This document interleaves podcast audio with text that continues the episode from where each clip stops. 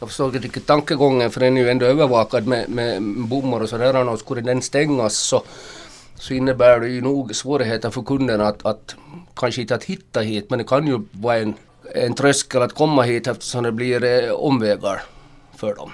Och det kan ju hända förstås att någon tänker att nej vi kör förbi för tillfällig butik så det kan ju få stora konsekvenser egentligen. Mm. Och inte bara för oss utan hela, alla vi som är här på den här gatan. Ja. Hur är det då med sådana här liksom varutransporter när det gäller, för, för er del då? Ja, hur, skulle, hur skulle de påverka? Ja, alltså det är ju långtradare dagligen som kommer hit och för dem blir det ju väldigt besvärligt att, att ta sig hit. Betydligt besvärligare. De skulle ju kunna se över den här vägen från väg 25 då, den där som man inte från, från Karishållet och inte får svänga till vänster, att de skulle ju istället kunna se över den då, att den skulle öppnas i så fall som en annan lösning på det här problemet. Om det skulle, så att det stänger. För nu blir det ju besvärligt för långtradare och sådant också som, som med varutransporter. Nu är det ju helt klart det.